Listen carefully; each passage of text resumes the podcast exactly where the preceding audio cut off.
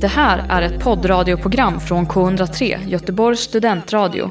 Du hittar oss på k103.se. Av upphovsrättsliga skäl är musiken förkortad.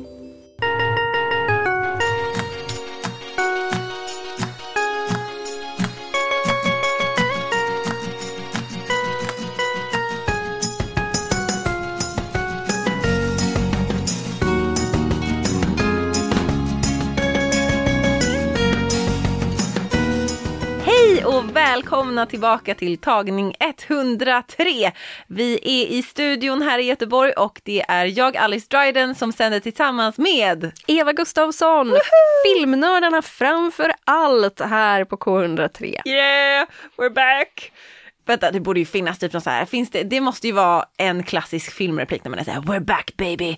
Eh, men jag tror inte att det är det än. Nej, du har ju den här uh, I'll be back, Där är det. Arnold. Ah, Men, och det kan det. vi ju säga att vi kommer alltid komma tillbaka på ett eller annat sätt. Ni blir liksom inte av med oss. Vi är inte alltid så regelbundna, men vi kommer tillbaka. 100 procent, we're just like Terminator. Men vi har ett eh, smockat program för er idag och vi hoppas att ni hänger med. Först ska vi prata lite om vad vi har sett på linjär-tv. Bara lite sådär godbitar snabbt och sen så går vi vidare med Ja, det har kommit en säsong två av familjen Bridgerton. Vi har tittat, du har tittat mycket, jag har tittat lite, eh, men vi har båda tittat. och vi har så mycket åsikter. Häng med! Sen så kommer vi också att prata lite om Turning Red, eller Röd, som är eh, en av Disneys nysläppta filmer. Som vi eh, alla har så här gushat över, because pandas, I mean wow! Och sen så för att avsluta lite, vad har vi då?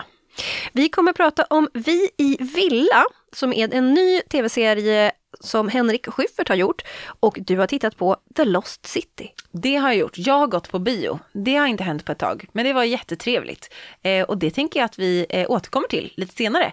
Eh, så häng med hörni!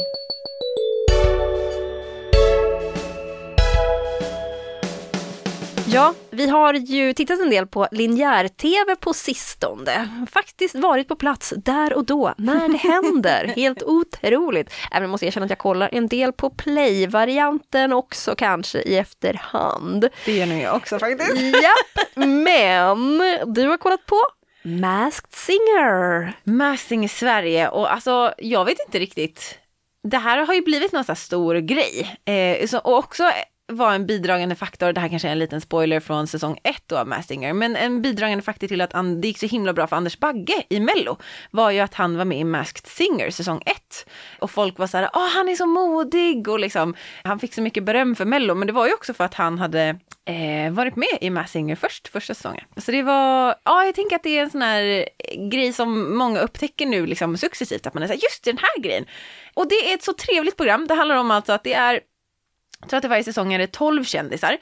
Eh, eller det måste inte vara kändisar heller, utan det kan vara liksom politiker, bortpersoner, Kända programledare. namn i alla fall. Precis, kända ja. namn, exakt. Så man, man, eh, många har man ändå hört om, så här, ja men dig vet jag ju vem du är, även om man kanske inte har råkoll. Och de gömmer sig under de här superspexiga, jättekola kostymerna eller maskerna. Och då är alltså helmundering, det är liksom någon som är ett träd. Eh, så det, ja, yeah, eh, det är så coolt. De som har gjort de här maskerna, alltså de är så skillade, det är helt otroligt. Men då under den här masken då så är det en känd person som sen framför ett nummer och sen är det en panel, väldigt rolig, väldigt involverad, väldigt hjärtlig panel som gissar på vem det är bakom masken. Och sen är det en person per avsnitt då som eh, förlorar eller får ta av sig masken och det är, alltså det är så spännande. Jag är så investerad i det här. Så det, det hoppas jag att fler vill titta på med mig så vi kan nörda lite tillsammans och sitta så här, vem är det egentligen? Är det lätt att gissa? Gissar du rätt ibland? Nej, alltså aldrig.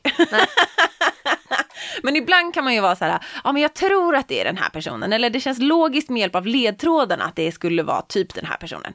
Så ja, men, men it's the guessing that makes it so much fun. Härligt.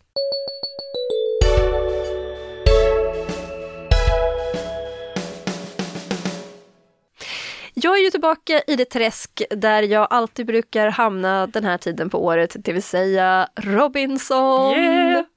Som numera går varje, ärligt talat, söndag till torsdag, så det är ju väldigt mycket också eftersom det är ett eh, fullt program på söndagar och sen är det halvtimmas program måndag, tisdag, onsdag och torsdag. Okej.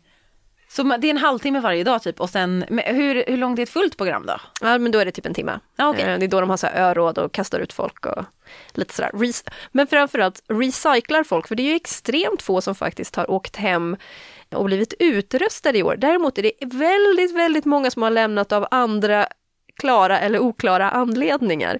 För det här var ju säsongen när Robinson återigen tog sig till en söderhavsö, man är på Dominikanska republiken.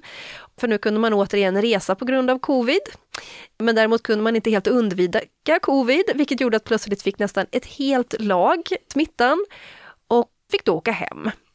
Medan resten av det lilla laget fick sitta i karantän hur länge som helst och bara gjorde ingenting. Vilket också ledde till att de som skulle vara utmanarna och som satt i gränslandet, som skulle kämpa sig tillbaka, plötsligt bara var, nu är ni ett lag, eh, in med er. Good luck guys, here you Japp, go. Precis.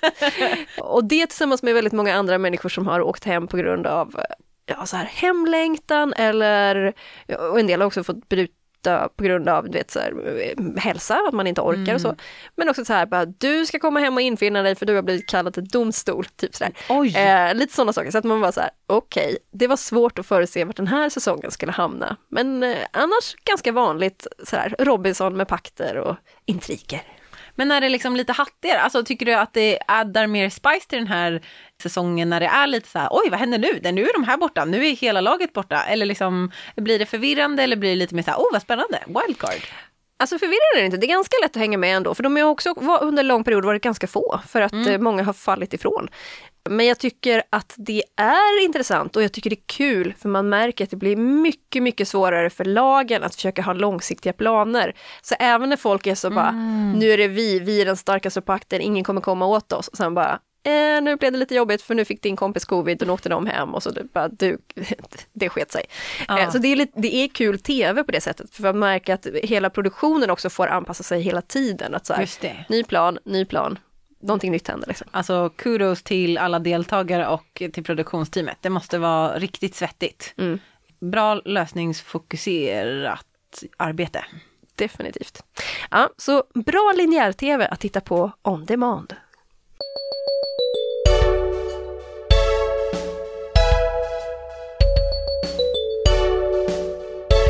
Något som vi också tittat på då, som inte är kanske lika eh, on demand eller på linjär-tv, det är ju Netflix storsatsning Bridgerton, eller familjen Bridgerton på svenska. Och det är Netflix i samarbete med eh, Shondaland, som är då Shonda Rhimes produktionsbolag. Och det, Shonda Rhimes ligger bakom till exempel Grey's Anatomy, så hon är alltså a big player in the game, so to say. Och ehm, ja, alltså Bridgerton har ju blivit alltså Netflix, en av Netflix mest tittade på serier genom tiderna. Det har blivit så populärt. Jag kommer ihåg, det, eh, första säsongen hade ju premiär på juldagen, när kan det varit då? 2020 tror jag. Och alltså det, det var ju, alla hade sett Bridgerton.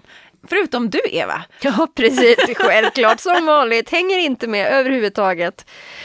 Ja, ja. Men du, Föll in i ledet sen till slut ändå. Titta på det, jag laddade ner säsongen och tittade på det på tåg. Någon lång tågresa någon gång. Jag bara, ja, ja, nu kör vi.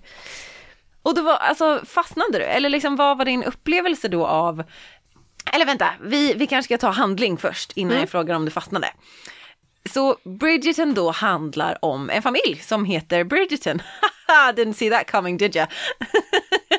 det är då en familj på sju syskon och deras mamma som ska navigera London på 1800-talet. Det är ju liksom societet, societet, de kallar det för the ton. Och det är liksom, eh, vad är det för regler i societeten? Vad, vad finns det för sociala spel? Och alla de här mammorna som försöker hooka their daughters and their sons up with marriages på något, på ett eller annat liksom väldigt så dubious eh, way. Alltså det, är väldigt, alltså det är väldigt spännande, det är mycket intriger, det är mycket skvaller, mycket så här, ja, men spel helt enkelt. Och några som då spelar det här spelet är ju, i säsong ett så är ju det Daphne som blir kär i The Duke Simon. Och de har liksom en hel love story i säsong ett och sen i säsong två så får vi då följa Daphnes storebror som är då Viscount. Han har fått ärva titeln från sin bortgångne fader. Och han heter, och då, och The Viscount är då Anthony. Så han heter Anthony Bridgerton helt enkelt och är äldst i den här syskonskaran. Och man kan ju också ge lite bakgrund till att hela den här serien, den bygger på böcker. Bokserien ser ut så att det är en bok per barn. Precis, och det mm. verkar ju vara också lite den vägen som serien har valt att gå. Men, men i, de väver ändå in de andra syskonens liksom plotlines i alltså säsongerna ändå. Mm. Så man får fortfarande följa liksom syskonskaran, några mer, några mindre i liksom, eh, deras liv under tiden. Fast det är alltid liksom en, hu eller alltid, de här två säsongerna som vi haft, så har det varit liksom ett syskon som är huvudperson. Det här mm. är liksom den storyn som vi allra mest kommer att följa. Men samtidigt så finns det många liksom olika spår. Och en, ett stort sidospår är Lady Whistledown, som är kan man säga a gossip writer, som under pseudonym då skriver skvaller som blir liksom jättestort. Så hon får som en skvallertidning eller pamflet eller vad man ska säga.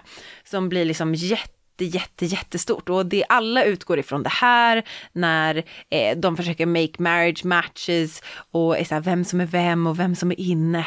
Eh, för det är också liksom att så här, dåtidens it girl hette The Queen's Diamond och då är det alla debutanter som came out that year så väljer drottningen en flicka blir det väl då, eller fast de är väl anses kvinnor, de är väl typ så här mellan 16 och 18 år. Och sen kom, debuterar de, kommer ut, drottningen väljer en som är lite extra och liksom the diamond of the season. Eh, och sen ska alla hitta matches. Det är ju mm. ganska bisarrt. Men ja, så var det.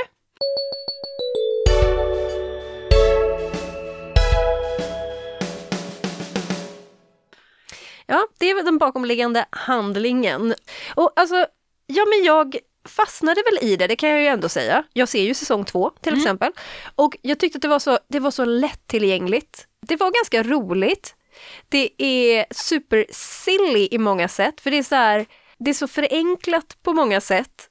Men problemen de målar upp kan ju vara så här, det här är ett jättestort problem. Man bara, det är ju inte ett jättestort problem. Tycker du det är dramatiskt nu faktiskt. Och sen är det så här, det är också verkligen så här, redan i, i avsnitt ett, nu har jag inte sett färdigt säsong två, mm. men jag tror, jag tror ändå att jag vet lite vad, liksom så här, vad outcome av den här säsongen kommer vara. Ja. Kanske. Så vet jag inte hur vi kommer komma dit, mm. men jag fattar vart vi kommer hamna ändå. Och de här är ju som liksom, de är ju som extremt påkostade Harlequin-noveller. Liksom, som sådana här kiosklitteraturer som, som kanske ens mormor eller mamma läser. Liksom. Och redan i avsnitt ett så vet jag liksom så här, okej okay, det här är premissen, jag vet vart vi ska, nu ska vi bara ta oss dit med massa olika förväxlingar eller intriger eller ja men du vet att någon är så här, åh nej, jag skulle inte ha sagt det här och så grämmer man sig i hundra år och sen så var det inte ett problem överhuvudtaget egentligen. eh, så det är många saker som är så här, det är väldigt välbekant i hur den här typen av kärlekshistorier är uppbyggda. Men det är väldigt charmigt. Jag tänkte precis säga det, är inte det också typ så poängen ibland med vissa kärlekshistorier? Eller med många kärlekshistorier, om det inte är så värsta dramat, man är så här, hur ska det gå? Någon dog! Liksom. Men eh, i de allra flesta liksom, kärlekshistorier så förstår man väl ändå på något sätt så här, att det här är en kärlekshistoria som innefattar de här två personerna, baserat också på vad det är för typ av bok, så kommer det sluta lyckligt. Nu får vi bara se hur vi tar oss dit. Mm. Och det, man, man är så här, det kommer förmodligen vara någon stor twist där någonstans i mitten och sen kommer det gå bra egentligen. Och jag tänker det blir väl också charmen och i liksom osäkra tider eller bara life in general så tänker jag att det är så skönt att typ ha någonting där man bara, jag vet ungefär hur det här kommer sluta. Men jag är så taggad på att se relationen utvecklas mm. under eh, under historiens gång på något sätt. Att så här, det finns någonting fint i det förutsägbara och det finns eh, någonting fint i the soppy and eh, liksom the tropiga, så här, det här har vi sett förut, but we still love it. Liksom. Ja, ja gud Så här, ja. Oh, the hand touch, du vet såhär, my hand accidentally touched your hand and oh my gosh, liksom. så alltså så det finns någonting i det som Och det går ju också att översätta till vår verklighet nu. Jag menar, det är exakt Absolut. samma situation som händer på klubben eller krogen eller liksom på skolan. Ja, också liksom. Men sen är det också vissa bitar här som är, som är väldigt daterade. Att det är så här, det handlar om att åh, man måste gifta sig inom sitt stånd och man måste Ja. liksom, vad finns det för regler och sådana saker, sånt som är bara så helt gone nu. Det finns ju också så här, i de här säsongerna verkar det lite finnas en USP som ska vara liksom roten till det grund, liksom djupgående problemet i varje säsong. Och i förra säsongen, där det då var det faktum att The Duke hade haft en uppväxt som var horribel på ett sätt, som gjorde att han hade valt att så här, jag kommer aldrig i mitt liv skaffa barn. Att det var liksom så här, hans, liksom så här, jag kommer aldrig någonsin kunna göra det för att eh, min pappa var hemsk mot mig så jag ska aldrig skaffa barn. Och hur det då påverkade hans syn på äktenskap och relationer och så. Liksom. Och i, i årets säsong så är det ju då, då får vi också så här historien om vad som hände med The Bridgertons pappa. Liksom, med, med patriarken i familjen. Vad hände med honom? Hur påverkade det Anthony och hans fortsatta val in i liksom sina relationer och så här. Och att det ska vara en riktig så dealbreaker på något sätt liksom här. Eh, så vi säkert också kommer få se hur det kommer han kommer läka sitt sår och eh, gå vidare kanske. Vi får se. vi får se, ja verkligen. Jag tänker så här, jag tänker föreslå nu att vi kör lite spoilers, att vi går in lite mer på karaktärerna, deras resa, lite gottar oss i det eh, och vad vi tänker och hur vi jämför de båda säsongerna. Så är det så att man inte vill veta någonting om eh, någonting, så spola nu några minuter och sen återkom när vi pratar om röd.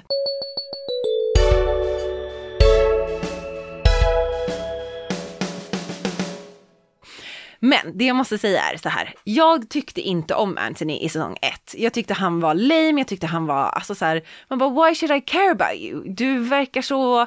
ehm, Butter och tråkig. Ja, exakt, avstängd och typ, alltså oskön. Han verkade verkligen oskön.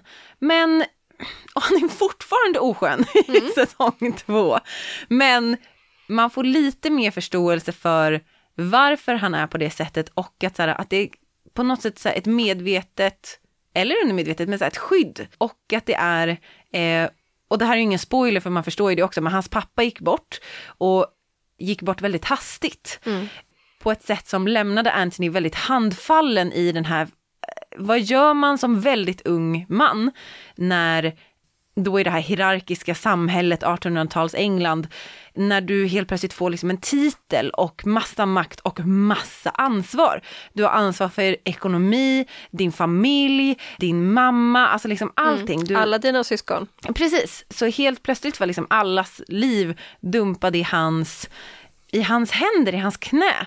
Och att förlusten av hans pappa och liksom att se hur, som vi pratade om innan här, men hur hans mamma sörjde och hur ont och hur hjärtskärande det var. Och hur en sån liksom stor kärlek kan beröra. Och det bara fick honom att känna så här, aldrig, aldrig jag, jag ska aldrig ha så ont. Det ska aldrig eh, röra mig på det sättet. För det kostar för mycket. Så på något sätt så här, alltså jag vet inte om det är så här redeeming, men man fattar ju ändå where he's coming from. Och sen har han väl vissa moments där man bara, fan han verkar, han verkar ändå trevlig. Om han bara tog sig igenom det här, om han tar sig igenom det här traumat och bearbetar det, så kommer han ändå vara en helt okej trevlig person i slutet. Ja, men absolut. Och sen förstår man väl kanske också att eftersom han kan sitta och säga jag ska aldrig någonsin bli kär i någon, eller så här, då fattar man också så här, ja men han kanske inte har varit det heller. eh, riktigt. exakt. Han har inte träffat någon ännu som han verkligen, verkligen bryr sig om. Utan han är bara ute efter att shoppa en fru nu för han måste ha en fru. För han har en titel som gör att här, han måste ha en fru. Så det är bara så här, ja vem ska jag välja då? Hitta någon som typ är tyst. Eller men så här, bara någon Ja. som inte, som inte Någon som kommer är vara så... perfekt. Ja, Och så, för han har ju värsta listan, han har en kravlista på vad han, att eh, hon ska vara liksom well accomplished, hon ska vilja ha familj, hon ska vara väldigt caring men också väldigt liksom ståtlig och pampig. Hon ska också vara from och snäll men också kunna saker om politik. Alltså du vet så här, gå hem känner jag bara till den listan, gå hem. Vilket han också blir tillsagd av att göra Ja. by the romantic lead this season. Och då är då Kate. Kate Sharma, hon, hon och hennes syster Edwina De har vuxit upp i Indien, men deras mamma är då adlig, men flyttade till Indien i en eh, skandalöst äktenskap. På För att hennes hennes man tid. inte var adlig. Precis, så hon gifte sig då med fel person. Mm. But it was a love match som The Queen pratar om ibland. Och de har då, de kommer tillbaka till England för att hitta en man åt Edwina. Men, eh, ja, spoiler då, så blir inte fallet eh, vad det verkar, utan det är ganska tydligt från första avsnittet att Kate är the romantic lead. Och hon är väldigt frispråkig, hon ställer Anthony mot väggen, han kommer där med sin lista, hon bara this is bullshit, alltså gå hem, du rör inte mig eller min familj. Men sen så blir de ändå intertwined eh, med varandra på ett eller annat sätt liksom. Det gillar jag ju ändå i det här i den här säsongen, att det ju faktiskt finns en mycket mera ifrågasättande av kvinnorollen. För i den första säsongen när det är Daphne, alltså Daphne hon har sina, hon har sina godheter, det har hon verkligen, men hon är ju liksom verkligen the good girl. Som in- British Rose. Ja, ja, som inte ifrågasätter så mycket och bara så här, ja men knyter näven lite i fickan liksom, men eh, säger verkligen inte ifrån. Och i den här säsongen så är det ju hennes lilla syster som nu ska liksom gifta sig också. Det är ju liksom ett sidospår att hennes lilla syster Eloise ska eh, gifta sig. Och hon är ju liksom bokmalen som läser kvinnorättspamfletter och bara så här, vad fan, jag vill inte gifta mig, vad fan måste jag gifta mig för?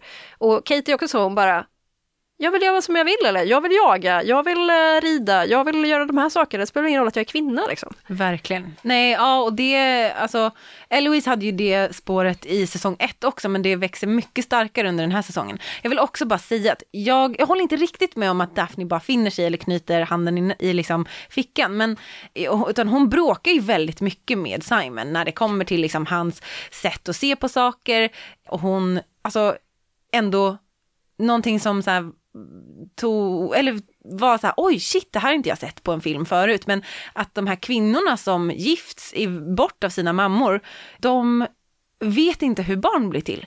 Och de får, På den här tiden. på, exakt, på, av, på den här tiden, men att de de ifråntas så mycket makt över liksom, eh, sina kroppar, sin situation, sitt äktenskap. Att så här, Ja men det blir verkligen, det, det blir ju eh, maktförhållandena när man inte förstår någonting eller vet någonting. Eh, inte, inte, inte inte förstår utan bara inte får informationen för att ens kunna närma sig att förstå.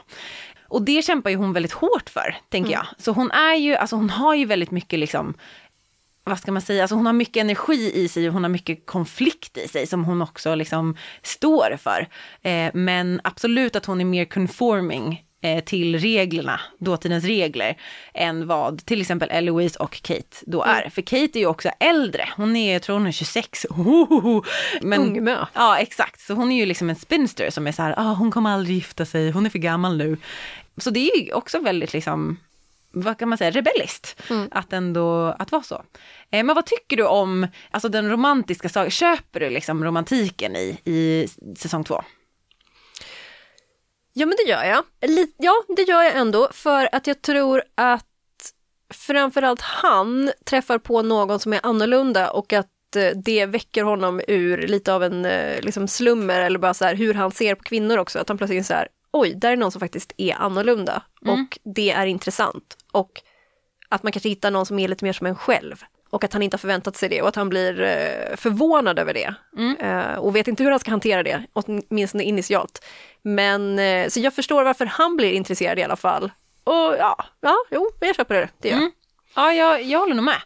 Jag köper också och jag hejar på dem. Men det, jag vet inte, jag tycker också, eller så här, värt att nämna ändå är att så här, Bridgerton säsong 1 blev ju också väldigt känd för att den innehöll väldigt mycket sex och naket och liksom mycket spice helt enkelt. Det var inte bara så här, de byggde upp till någonting utan de också levererade på slutprodukten, vilket många var så här, oj, får man, ja okej, okay, absolut, I am here for this. Säsong 2 är mycket mindre av, den, av det, vilket många tror jag har varit så här, aha, ja men varit lite så här, jag förväntade mig det här. För att säsong ett, det var en ganska stor del av säsong ett på något sätt. För det blev en så här wow-faktor som många pratade om, att det blev en snackis. Och säsong två innehåller inte riktigt den snackisen. Så därför tycker jag också typ att så här, den hade mycket att leva upp till och på ett sätt så tycker jag att den gjorde det. Det är en bra romans, alltså plotline, men det är också inte så mycket spice i den här som det var i första. Så det kan också vara en sån, sån grej att så här, adjust your expectations. Mm. Eh, bara för att liksom, beroende på va, varför man liksom tycker om att se den. Ja absolut. Men jag kan ändå tycka att det är okej att man lite tar ett avstamp ifrån det. Mm. Eller att man Sen får man väl se hur det fortsätter, för jag förutsätter att det blir fler säsonger. Mm. Men att man inte bara för det kan också bli så här att det plötsligt ska vara så här att det ska eskalera. Mm. Eh, för att man måste liksom appa sitt game på något mm. sätt. Eh, och då kan det också börja ta helt andra vändningar och bli liksom så här, jaha, vart är vi nu liksom? Att det inte ska vara så här, jag, vet, jag tänker på Game of Thrones som är så här, ja det ska vara slagsmål och sex. Ja. Eh, det är liksom det de säljer det på, utan att ja. det ändå kan vara, ja men liksom lite charmiga historier. Men ja. Alltså verkligen, men jag tänker om man ska gå i linje med det här Harlequin Quinn-grejen, eh, alltså så här att det ändå jag vet inte, jag tyckte inte att de förvaltade det så väl i den här säsongen. För det mm. kändes som att de var så här, okej, okay, förra säsongen det blev en snackis att de hade sex massa, eh, så vi måste ha någon form av sex med i den här säsongen. Och då var det som att de så slängde in det, men de gjorde det inte så bra tycker jag. Nej. Så de hade lika gärna, för min del så känner jag bara så här, ni hade kunnat spara de minuterna och lägga det på relationen istället. För nu blev det bara som att de slängde in det för att det var tvunget att vara. Mm. Men det var liksom inte tillräckligt mycket av en grej att man kände, ja men det här var värt och jag förstår varför de gjorde så här. Så ja, jag vet inte, jag tycker att det var, they could have left it eller done more with it, men jag tyckte att det föll lite platt, för det kändes lite som en så här, ja men folk förväntar sig så då måste vi. Mm. Ja, men det är nog det sista jag har att säga om Bridgerton. Jag, jag gillade säsong två ändå. Tyckte att det var bra plott, bra karaktärer. Vi fick också se mycket av eh, Penelope Featherington till exempel. Vi fick se mycket av Eloise och om, eh, om Benedict. Som också är liksom en väldigt trevlig prick och är bror eh, nummer två eh, i åldersskaran på Bridgerton. Så ja, jag gillar den. Jag ger den, vad ger den? Jag ger den tre starka klappor. Härligt. Ah, nej, men jag är också på. Jag tycker att det är trevligt. Jag ska fortsätta titta. Jag tittar bara lite långsammare än vad du gör. Eh, så det här kommer nog bli bra.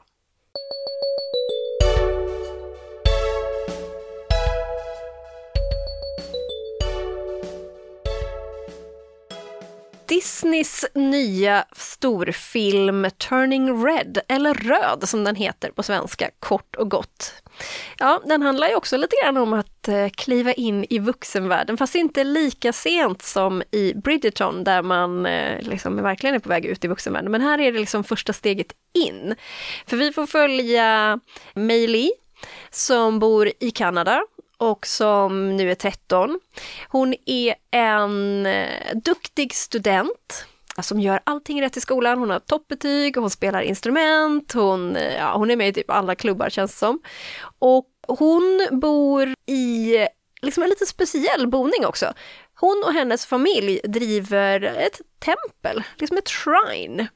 Och hennes familj, de är kinesisk ättlade. Eller snarare så att Mei Li är född i Kanada, men hennes föräldrar kommer från Kina. Så de har liksom den kinesiska traditionen med sig och de driver det här templet som de driver i den röda pandans liksom, ära som hänger ihop med deras eh, släkt och tidigare förfäder helt enkelt. Och nu när då Mei Li blir 13 så, ja men så här, överlag så är det väl lite en brytpunkt, men sen börjar komma in i tonåren, eh, man ska börja bli sin egna person. Och hon är ju väldigt knuten till sina föräldrar och mm. har liksom genom hela sin uppväxt så här, uppväxt, ja men varit verkligen så här, det är jag och mina föräldrar, jag gör exakt vad mina föräldrar säger, jag ska vara den bästa dotter som bara går. Eh, men sen när man börjar så här, ta steget ifrån att kanske bara så här, men vad vill jag då? Vill jag alltid samma sak som min mamma? Och det är de här frågorna som nu börjar bli en issue för Meili. Men det finns också någonting annat som är en issue. Vad är det? Jo, det är en morgon och mig vaknar och är så här, okej, okay, helt vanlig morgon, jag är supertrött, tittar sig i badrumsspegeln och bara what the fuck, I am a panda. I am a giant red panda and this is not a drill folks. This is not a drill, nor is it a joke. I am a big red panda. What do I do now? Ja, exakt, vad händer nu? Jag är en extremt stor röd hårig panda. Eh, hon blir ju först panikslagen, för hon fattar, alltså så här, det skulle du också bli om du vaknade upp och var ett gigantiskt djur Ja. istället för att vara dig själv. Men efter lite blandade ja, missöden och terrors så börjar hon förstå att det här är normalt i hennes familj. För det är någonting som runs in the family. Att kvinnor vid sin tonår förvandlas till röda pandor. Och då liksom är det ju också, den förvandlingen är förknippad med starka känslor. Så de är inte alltid röda pandor utan det är ju alltså när någonting händer som de reagerar starkt på, typ blir jätteglada eller jättearga, då blir de, då blir så här puff och så blir det en röd panda där istället för en människa. Ja, men ehm, det kommer ju också fram att hennes förfäder och hennes mamma, mormor och mostrar har löst det här på ett speciellt sätt. De har, vad kan man säga, tyglat sina röda pandor och låst in the spirit of the panda i olika typer av föremål. Ja, en amulett, ett, ett örhänge, ett halsband, någonting som man kan liksom, ja, bara liksom hålla det fånget. Men det gör ju också att man då blir utan liksom de här äh, stora känslorna lite grann. Att man säger bara, nej, nej, men nu är jag vuxen, nu får jag skärpa mig, nu måste det vara så här, ordning och reda. Och det här är någonting som Meili också lite funderar på så här, men eh, -hmm. när man väl har börjat lära sig att leva med sin röda panda, då kanske man ändå tycker att det är lite trevligt. Exakt, och så här, den här the struggle med så här, vad förväntas av mig och vad vill jag, vad mår jag bra av?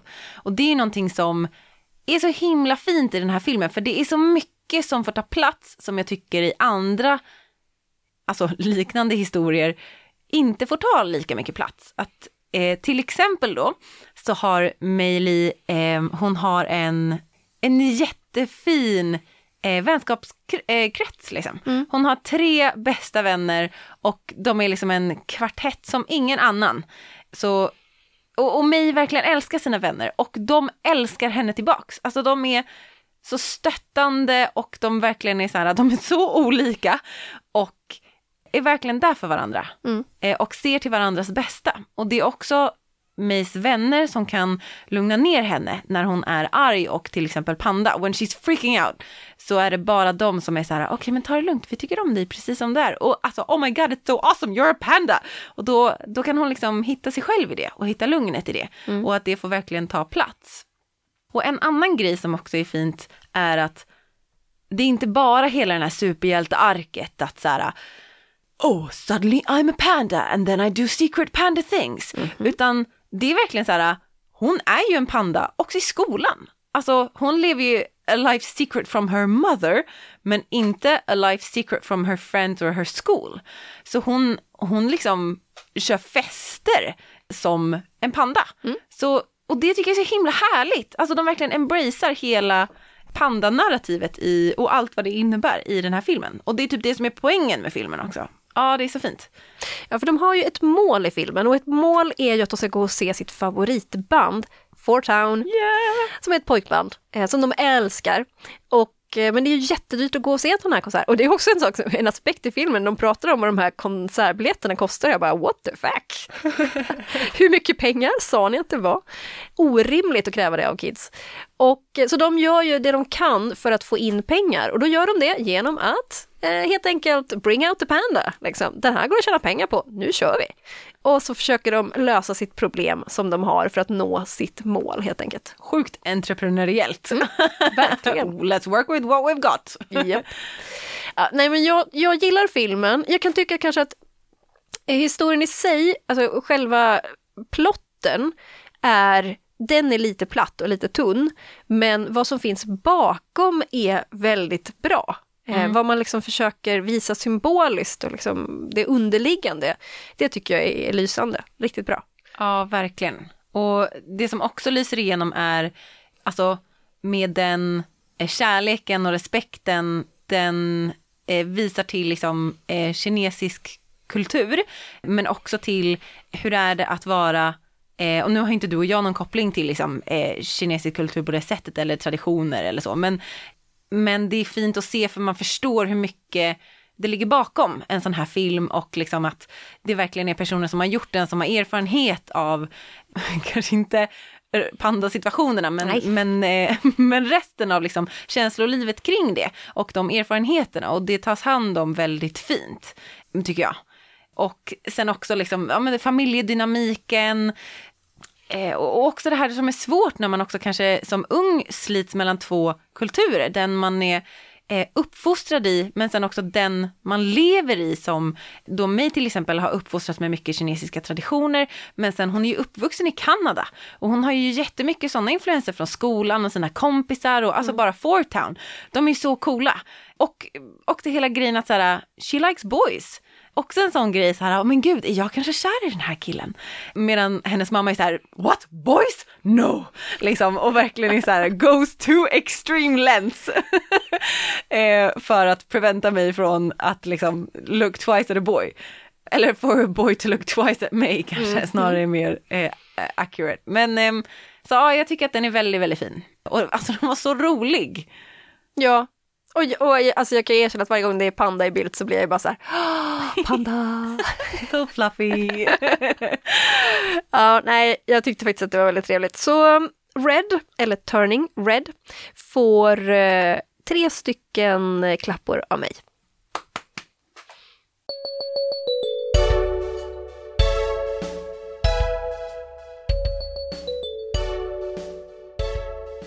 Eh, vad händer nu? Nu tror jag att det är The Lost City. Nej men vad kul! Hörni, jag har varit på bio. Det har faktiskt inte hänt sådär jättemycket. Jag tror att jag har sett två biofilmer sedan slutet av pandemin, Skoja, tre. Men eh, de, det är inte så många. Eh, så jag är glad att det här var en av dem. Det är alltså filmen The Lost City med Channing Tatum och Sandra Bullock i huvudrollerna. Eh, med en cameo från Brad Pitt. Väldigt rolig film tyckte jag. Det är som en romcom med en äventyrs-romcom kan man säga. Som verkligen också är, alltså kom. Den är väldigt heavy on the comedy.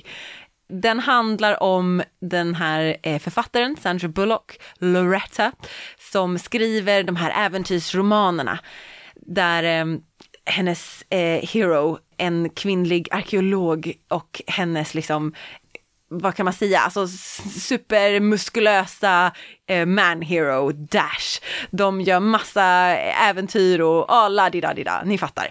Typ Indiana Jones but eh, with a lady and a dash. Men det som händer då i verkligheten är att Loretta är eh, deprimerad, oj förlåt, det är faktiskt inte alls kul, hennes man har dött, det är väldigt seriöst. Och hon är, alltså she's heartbroken and so depressed och förstår liksom inte hur hon ska kunna gå vidare och det reflekteras också i hennes litteratur. Men otippat nog så kommer Daniel Radcliffe in i bilden som eh, så excentrisk miljardär och kidnappar henne. Han kidnappar alltså en eh, romcom-författare för att hon är den enda personen som kanske har information om det här språket som finns på den här obskyra ön in the middle of the Atlantic där han vill gräva fram en rubinkrona. Ni hör ju. Um, och så hon blir kidnappad av Daniel Radcliffe, sure that's a thing. Yeah.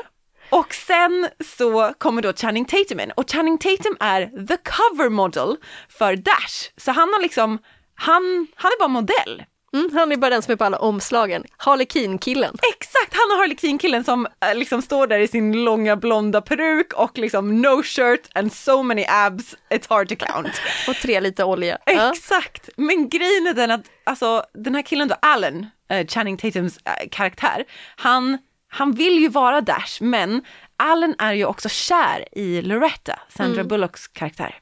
Så han, mm, och han, he's just a great guy. Så när han ser att hon blir kidnappad så är han så här, oh my god, I have to rescue her. I have to, this is my dash moment liksom. Så han ringer sin meditationsbuddy Brad Pitt för att de ska göra en rescue op i djungeln in the middle of the Atlantic. And that's where the story starts folks it's a, it's a, jag vet inte ens vad jag ska säga, it's a journey. Eh, och jag skrattade och jag eh, aade lite och eh, jag var så här, oh my god, vad händer? Och det var precis lagom, alltså var exakt, det, det här är en film de förväntningar du har, de kommer de uppfylla. Den kommer inte vara mer, men den kommer heller inte vara mindre. Så för det så måste jag ändå ge den, alltså fyra klappor. För att egentligen som film kanske den är tre, men den fyllde förväntningarna perfekt. Så fyra, fyra klappor får The Lost City med Sandra Bullock och Channing Tatum. Gå på bio nu. Ja, yeah, knock yourselves out folks.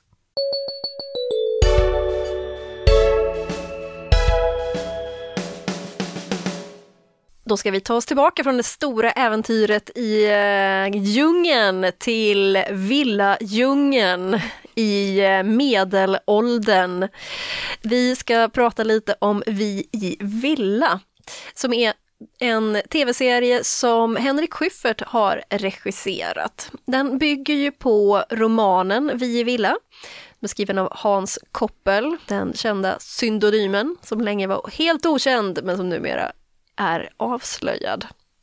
Och när den här boken kom så var det lite så här, alltså anledningen till att han skrev den som en pseudonym var ju för att folk inte skulle tro att det var han.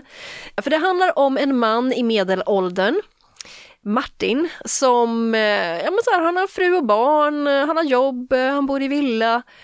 Saker väl ganska bra. Ja, sen är han ju otrogen också, han, han ligger ju med sin dotters musiklärare men ja, ja vad fan, man är ju uttråkad, lite sådär. eh, och sen så, han har ju lite grannar, vänner som han umgås med så här, men fan de är ju ganska jobbiga en del, men han kan liksom inte säga ifrån att han inte riktigt vill umgås med dem. Och, så att han börjar bli lite av en rebell istället. Sådär lite smårebell typ. När vännen eller grannen, kanske man snarare ska kalla honom, kommer och visar upp sin nya flashiga superöverdådiga bil. Som han skryter jättemycket om och man blir så här bara, mm, ja ja ja. Då när, sen när man är ute och går med hunden på kvällen, då kanske man typ kiar den liksom så här. Jävla bilen. eh, och det här är lite det temat som vi har här. Någon som är lite sådär, som hela tiden känner så här, men vad fan till sitt liv. Och så kan man liksom inte göra så himla mycket åt det, men man försöker ändå lite hämnas, liksom på något sätt. Man försöker ju vara lite rebell. Men det här eskalerar ju då på ett sätt som inte riktigt var tänkt att det skulle bli så när folk runt omkring börjar märka att så här, det känns som att det finns lite av en marodör eller en liten terrorist i det här villaområdet. Och folk börjar bli så här, Oj, vem är det? Börjar lägga pusselbitar och vem kan det vara? Och hur sådär. Och ja, om man tror att det är helt okej okay att så här, ha en älskarinna och tro att man är så himla smart så kanske frun ändå kan komma på det och vad händer då? Liksom, då är inte livet så roligt längre, eller?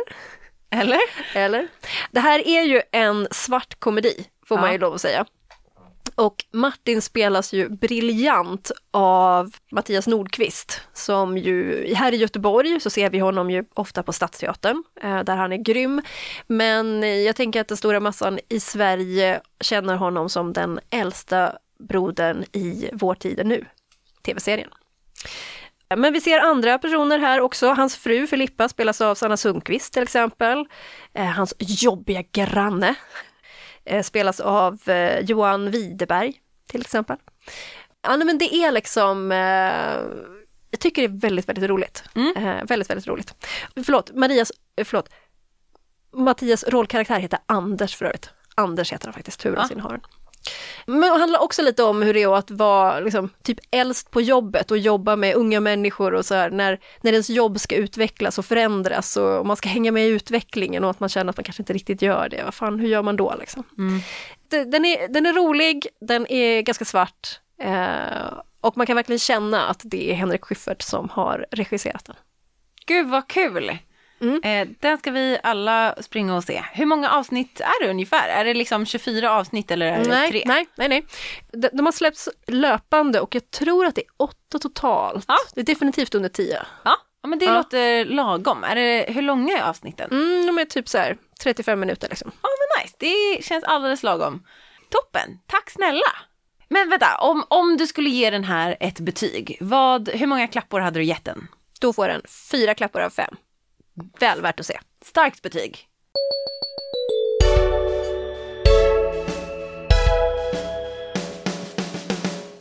Tagning 103 har ju gett er ett ganska starkt utbud idag får vi väl lov att säga.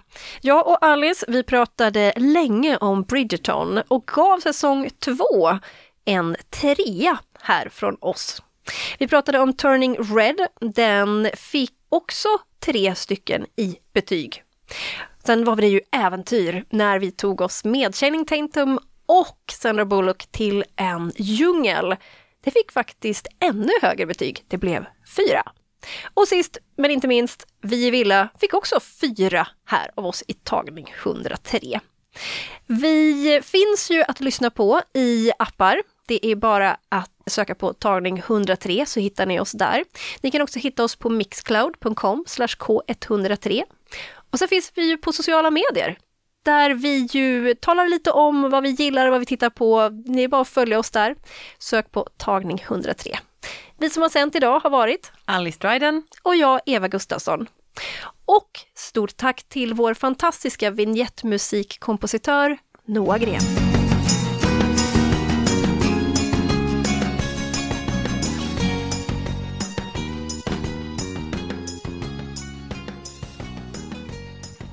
Du har hört en poddradioversion av ett program från K103. Alla våra program hittar du på k103.se. Följ oss gärna på Facebook eller på Instagram. Vi hörs!